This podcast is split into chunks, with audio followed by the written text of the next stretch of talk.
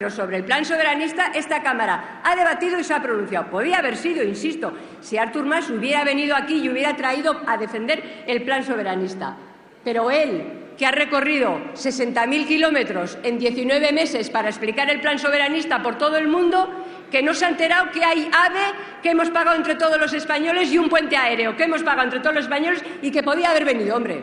Y que lo hubiera defendido, porque si cree en ello, lo debiera de haber defendido aquí, ¿no? ¿Qué, mejor sitio para defenderlo? ¿Es mejor defenderlo en Israel o en Moscú?